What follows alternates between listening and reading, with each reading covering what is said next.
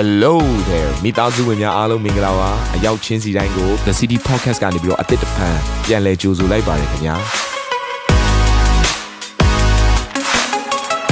ဒီတစ်ပတ် Daily Devotion အစီအစဉ်ကတော့ယခင်ကဟောကြားခဲ့တဲ့နှုတ်ကပတ်တော်များထဲကနေပြီးတော့ highlight လောက်ဆောင်ပေးထားတာပဲဖြစ်ပါတယ်နာတော်တာစင်သူညီကောင်မောင်နှမများယနေ့နှုတ်ကပတ်တော်အားဖြင့်သင်ပြခြင်းအသေးရရှိပါမည်အကြောင်းကျွန်တော်ကနေဆုတောင်းလိုက်ပါတယ် ဆိုတော့တကောခန်းကြီး30ငွေ7မှာဗာရေးထားလဲဆိုရင်ထိုအကြောင်းအရာရှိသမျှတို့သည် ပုံသက်တွေဖြစ်ဟန်သောငါထိုသူတို့၌ယောက်ျားဤကက္ကလအဆုံးနှင့်ဖြစ်သောငါတို့ကိုဆုံးမစေရဖို့ကြံစာ၌ရေးထားလဲရှိသည်ဒီຢာကတော့ဣသရေလလူမျိုးတွေအေဂုတုကနေပြီးတော့ခါနန်ပြည်ကိုဖျားခေါ်ထုတ်တဲ့ခရီးစဉ်တစ်ခုလုံးကိုပြောထားတာဖြစ်ပါတယ်ဆိုတော့အတိတ်ထိုခရီးစဉ်ဟာဒီလူမျိုးတွေဂျူးလူမျိုးတွေကသူတို့ကသူတို့တခါလေအေဂုတုကထွက်ပြီးတော့အခုရှိနေတဲ့အခုလဲ เนาะဒါမြေပုံပေါ်မှာရှိနေတဲ့ Israel တိုင်းနိုင်ငံကိုသွားတဲ့ခရီးစဉ်လေးပါဒါကတော့သမိုင်းအဖြစ်ပြက်တစ်ခုပါဒါကတော့အဲ့ဒီလူမျိုးတွေရဲ့ကိစ္စပါလို့မဟုတ်တော့ဘူးကျမ်းစာထဲမှာကျတော့ဘာဖြစ်သွားလဲဆိုတော့ပုံသက်သေးတဲ့ဘာအတွက်လဲဆိုတော့ငါတို့ကိုဆုံးမဖို့ရန်အတွက်တဲ့အာမင်ဒါကြောင့်မို့ကျွန်တော်တို့ကဒီနှုတ်ကပတ်တော်ကိုကြည့်တဲ့အခါမှာအဖြစ်ပြက်တွေရအားလုံးဟာကျွန်တော်တို့ကိုယခုနောက်ဆုံးသောအချိန်ကာလမှာဘလို့အသက်ရှင်ရမလဲဆိုတာကိုညွှန်ပြနေတဲ့နီလန်းတွေဖြစ်တဲ့ဆိုတာကိုသိစေချင်ပါတယ်ဆိုတော့ အဲ့တော့ဣသရေလတိုင်းနိုင်ငံဟာအင်မတန်မှထူးခြားတဲ့ဂျူးလူမျိုးတွေဟာငွေကြေးနဲ့ပတ်သက်ရင်ကြွယ်ဝချမ်းသာခြင်းနဲ့ပတ်သက်ရင်ဘယ်လူမျိုးကမှလိုက်မမီလောက်ထိတိုင်အောင်ထူးခြားသောလူမျိုးဖြစ်တယ်။ဒါကြောင့်ဒီနှုတ်ကပတ်တော်အဆုံးမှာလဲဂျူးလူမျိုးတွေရဲ့စီးပွားရေးအတွေးခေါ်လှုပ်ဆောင်တဲ့ပုံစံခလေးတွေကိုလေ့ကျင့်တဲ့ပုံစံလေးကိုလည်းကျွန်တော်ဝေမျှသွားကြပါတယ်။ဆိုတော့ဒီနှုတ်ကပတ်တော်ထဲမှာဘုရားသခင်ကအဲဂုတုပြည်ကနေထုတ်ဆောင်ကနေခါနန်ပြည်ကိုပို့တဲ့ဒီခရီးစဉ်တစ်ခုလုံးဟာကျွန်တော်တို့ယုံကြည်သူများအသက်တာကိုဓာတ်ရိုက်စကားပြောနေတယ်လမ်းညွှန်နေတယ်ဆိုတော့ ဒီအဖြစ်အပျက်ကိုကြည့်လိုက်တဲ့အခါမှာဣသရေလလူမျိုးတွေရဲ့အကြီးမားဆုံးသောကြွယ်ဝချမ်းသာခြင်းကိုနှစ်ကြိမ်တိုင်တိုင်တွေ့ရတယ်ပထမတစ်ချိန်ကတော့ဘယ်ချိန်လဲဆိုရင်ဒါတနိုင်ငံလုံးကြွယ်ဝခြင်းကိုပြောနေတာဖြစ်ပါတယ်လူမျိုးတစ်မျိုးလုံးတယောက်မကြံကြွယ်ဝခြင်းကိုပြောနေတာဖြစ်တယ်ပထမတစ်ချိန်တစ်ခုကတော့ဘယ်ချိန်မှလဲဆိုတော့ဂျွန်ဘဝကလွတ်တဲ့ချိန်ဖြစ်တယ်ဘယ်နေရာမှာလဲဆိုအေဂုတုတိုင်းပြည်မှာဖြစ်တယ်ကြုံခံရတဲ့သူတို့နှစ်ပေါင်း400ကျော်ကြုံခံရတဲ့တိုင်းနိုင်ငံမှာပဲဖခင်ကနမိတ်လက္ခဏာနဲ့နော်တိုးတငယ်ရဲ့အသွေးအဖြစ်တခါသူတို့ကိုထုတ်ဆောင်တဲ့အချိန်မှာ ကြီးမားစွာတကိုးနဲ့နမိတ်လက္ခဏာနဲ့ထုတ်ဆောင်တဲ့အချိန်မှာဖခင်သခင်ကသူတို့ကိုလက်ချီတက်တက်ဗလာတက်တက်မထုတ်ဘူးဆိုတော့ကြောင့်ကျမ်းစာအပြင်တွေ့ရတယ်ထွမြောက်အခန်းကြီးနော်3အငယ်21ကနေ22မှာဒီလိုရေးထားပါတယ်ထိုလူမျိုးသည်အေဂုတုလူတို့ထံ၌မျက်နာရသောအခွင့်ကိုငါပေး၍သင်တို့သည်ထွက်သွားသောအခါလက်ချီမသွားရကြအကြောင်းမူကားမိမတိုင်းမိမိအိမ်နီးချင်းမျိုးသမီးများအာမင်ထူးကြပါဦးအေးမိမတွေဒါနော် ကောင်းကြီးမင်္ဂလာမိမတွေကလာတတ်တယ်ဆိုတာကိုကျမ်းစာကဒီနေရာမှာရေးထားတယ်မိမတိုင်းမိမိအိမ်နီးချင်းမိမိအိမ်မှာတဲသောသူ၌ငွေတစားရွှေတစားနှင့်အဝတ်တစားများကိုတောင်း၍သင်တို့သားသမီးများကိုတစားစင်စေသဖြင့်အေဂုတုလူတို့၏ဥစ္စာကိုလူယူကြလိမ့်မည်ဟုမောရှေအားမိန့်တော်မူ၏ဒီနေရာဖြင့်ပြောမယ်ဆိုရင်နှစ်ပေါင်း400ကျော်ကျွန်ခံတဲ့အဖိုးအခကိုတထိုင်နဲ့နဲ့ရတာစဉ်းစားကြည့်ပါလူတယောက်ရဲ့တစ်နှစ်လောက်အခဘယ်လောက်တောင်များမလဲအခုတော့သူတို့ရဲ့ဘိုးဘေးစင်ဆက်မျိုးရိုးစင်ဆက်လှုပ်ဆောင်ခဲ့တဲ့ကျွန်ဘုံက ခံရတဲ့ဆုံးရှုံးခြင်းရာအားလုံးရဲ့နှစ်ဆသော double blessing နှစ်ဆသောကောင်းကြီးမင်္ဂလာကိုဒါကတော့ကျွန်တော်ဟေရှာယကျမ်းစာကိုညီညွှန်းပြီးတော့ပြောလိုက်တာဖြစ်ပါတယ်ဟေရှာထဲမှာဘလို့ရေးလဲဆိုတော့ယေရှုခရစ်တော်ရဲ့ကယ်တင်ခြင်းအဖြစ်နဲ့တစ်ချိန်လုံးကကျွန်တော်တို့ဆုံးရှုံးခဲ့သောအရာရဲ့နှစ်ဆသောဗိသိက်ကိုကောင်းကြီးကိုဖခင်ကပြန်ပေးတယ်တဲ့အာမင်။ဒါကြောင့်ယေရှုကိုယုံကြည်လိုက်တဲ့အခါမှာအရှုံးဆိုတာလုံးဝမရှိဘူး။နှစ်ဆသောကောင်းကြီးနဲ့လွတ်မြောက်တာဖြစ်တယ်ဟာလေလုယာ။ဆိုတော့အာမင်။ဆိုတော့ဒီမှာ အေဂုတုလူမျိုးတွေမှာဖခင်ကလည်းနော်ယောက်ျားတွေကတိတ်မတောင်းတတ်ဘူးဆိုတာကောင်းကောင်းသိလို့နေမယ်မိန်းမတွေသွားတောင်းခိုင်းဆိုတော့မိန်းမတွေကတောင်းလိုက်တာတခါတဲ့အေဂုတုပြည်ရဲ့ကြွယ်ဝခြင်းအားလုံးဟာခါနန်လူဒီနော်ဂျူးလူမျိုးတွေဒါဣသရေလလူမျိုးတွေထဲကိုတခါတဲ့အရှိန်ဟုန်နဲ့ရောက်လာဆိုတော့ဒါပထမဦးဆုံးချိန်ကြွယ်ဝခြင်းဖြစ်တယ်တနိုင်ငံလုံးတိုင်းတာတယောက်မကြမ်းမိမတိုင်းနော်အဲ့ဒီအေဂုတုတိုင်းပြည်တစ်ခုလုံးရဲ့ကြွယ်ဝခြင်းကိုဖခင်ကတခါတည်းပေးပြီးတော့လက်ချီသက်သက်မထုတ်ဆောင်ဘဲနဲ့ ကောင်းကြီးမင်္ဂလာအပြည့်အဝနဲ့ထုတ်ဆောင်တဲ့တနိုင်ငံလုံးကြွယ်ဝခြင်းကိုပထမဆုံးနေရာမှာဒီနေရာမှာတွေ့ရတာပထမတစ်ချက်ဖြစ်တယ်။အဲကြောင့်မို့ကျွန်တော်တို့ရဲ့အသက်တာထဲမှာဆရာကျွန်တော်တို့ရဲ့ကြွယ်ဝခြင်းကဘယ်ကလာလဲဆိုပထမတစ်ချက်ကြုံခံရာကနေလွတ်မြောက်ခြင်းကနေလာတယ်။ဒီအပြင်ပြောမဆိုချုံနှောင်ခံရခြင်းကနေလွတ်မြောက်တဲ့ခါမှာကောင်းကြီးမင်္ဂလာအလိုလိုပါလာပြီးသားဖြစ်တယ်အဲ့တော့မေကွန်းကဘာလဲဆိုတော့ငါဟာဘယ်ထဲမှာချုံနှောင်ခံနေရတယ်လဲမနေ့ရလှက်ွက်ဘယ်ထဲမှာငါရောက်နေတယ်လဲ ဘယ်ရာတွေကငါရဲ့ဘဝတဏ္ဍာထဲမှာ breakthrough မဖြစ်သေးဘူးလဲအစုံတစ်ခုသောဒူးစရိုက်ကိုသင်ကြော်လွှားနိုင်ပြီဆိုရင်အဲ့ဒူးစရိုက်အပြင်ဆုံးရှုံးသောအရာအလုံးရဲ့နှစ်ဆကိုဖခင်ကထိုလွတ်မြောက်တဲ့အချိန်မှာပေးပြီးသားဖြစ်တယ်။ပါလာပြီးသားဖြစ်တယ်။သိမကြခင်မှာပဲထိုကောင်းကြီးမင်္ဂလာအရာတော်သင်တွေ့ရတော့မယ်။ဟာလေလုယာ။အကြောင်းမလို့သူ့ရဲ့ခီးရပါလဲဆိုတော့လွတ်မြောက်ခြင်းဖြစ်တယ်။ပြောကြည့်ပါဦးလွတ်မြောက်ခြင်း။ပြောကြည့်ပါဦးနောက်တစ်ချိန်လွတ်မြောက်ခြင်း။အာမင်။ကျွယ်ဝခြင်းဟာဘယ်ထဲမှာရှိလဲဆိုရင်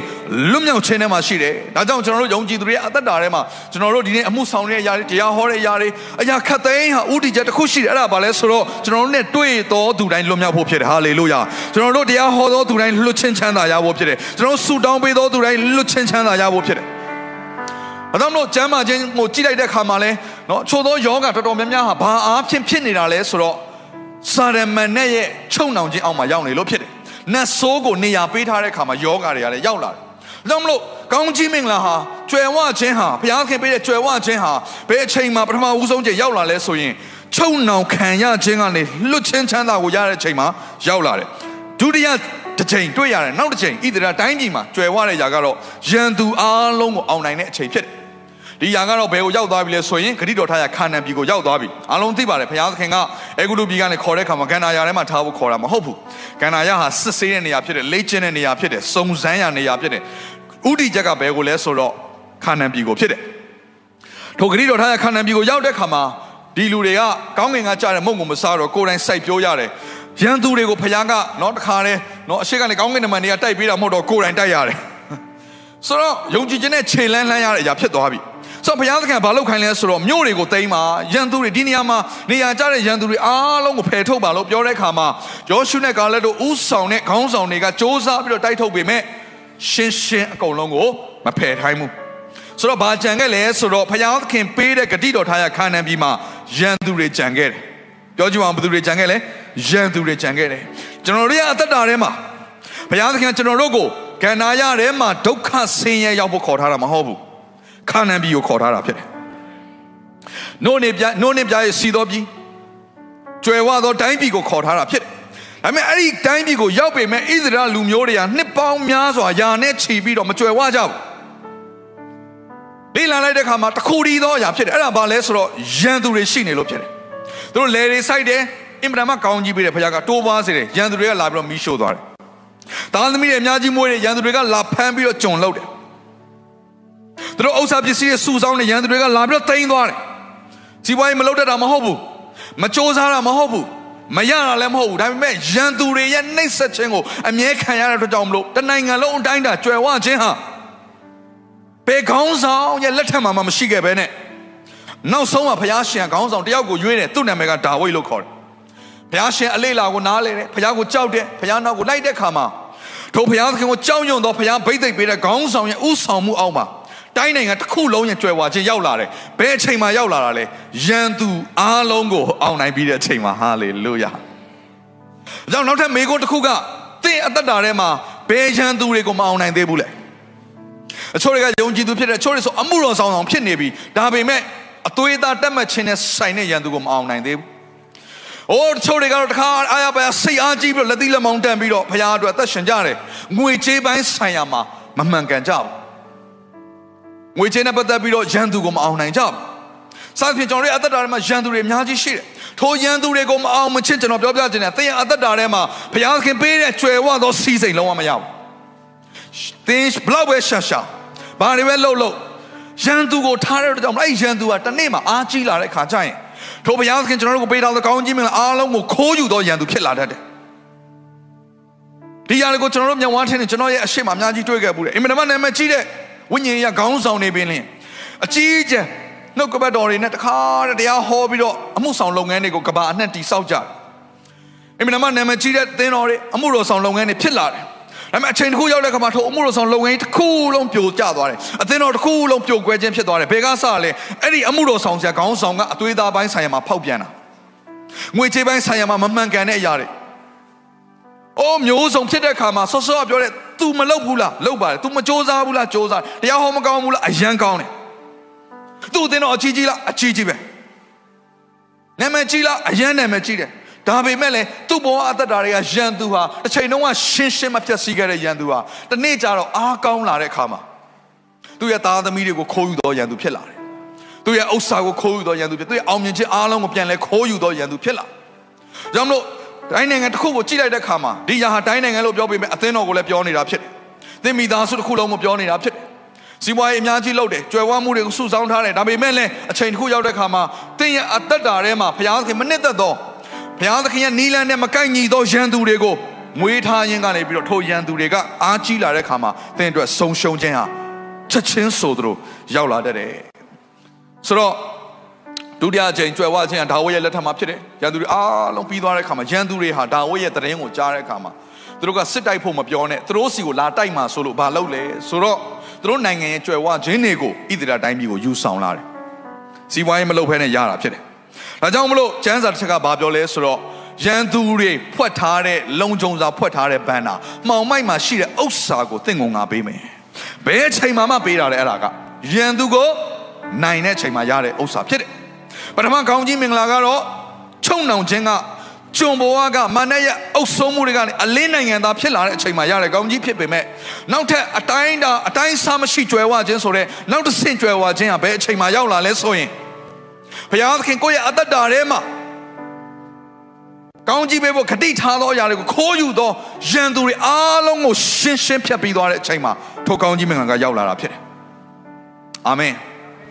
တော့ဘုရားကောင်းကြီးမပေးဘူးလားဆိုကောင်းကြီးအယံပေးတယ်။ပြဿနာကရန်သူတွေကိုကျွန်တော်တို့ကထားထားတာဖြစ်တယ်။ဒါကြောင့်မလို့ဘုရားခင်ပေးသောကောင်းကြီးမင်္ဂလာကိုခိုးယူတတ်သောရန်သူတွေကိုသူသင်ရဲ့အိမ်ကပယ်ရှားပါ။ဒါကြောင့်မလို့ယောဘဝတ္ထုထဲမှာပါရေးတယ်ဒုစရိုက်ကိုမိမိအိမ်ကပယ်ရှားမယ်ဆိုရင်ရွှေကိုမြေမှုန့်ကဲ့သို့၎င်းအော်ဖီဒါရွှေကိုမြင့်၌ရှိသောကြောက်စစ်ကဲ့သို့၎င်းသို့ထားရသောအခွင့်ကိုပေးမယ်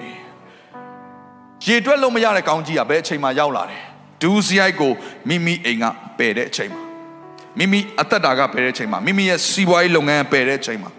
အသင်းတော်ကပယ်တဲ့အချိန်မှာတိုင်းနိုင်ငံကပယ်တဲ့အချိန်မှာအရှင်ဟုန်နဲ့ရေတွက်လို့မရတဲ့ကောင်းကြီးမင်္ဂလာရောက်လာတယ်ဒီအစီအစဉ်လေးအပြင်တင်းရဲ့အသက်တာမှာကောင်းကြီးဖြစ်မယ်ဆိုတာကိုကျွန်တော်ယုံကြည်ပါတယ်ဗီဒီယိုကြည့်ပြီးခံယူလို့ဒီများအတွက်အပတ်စဉ်တရားဟောခြင်းများ Bible Study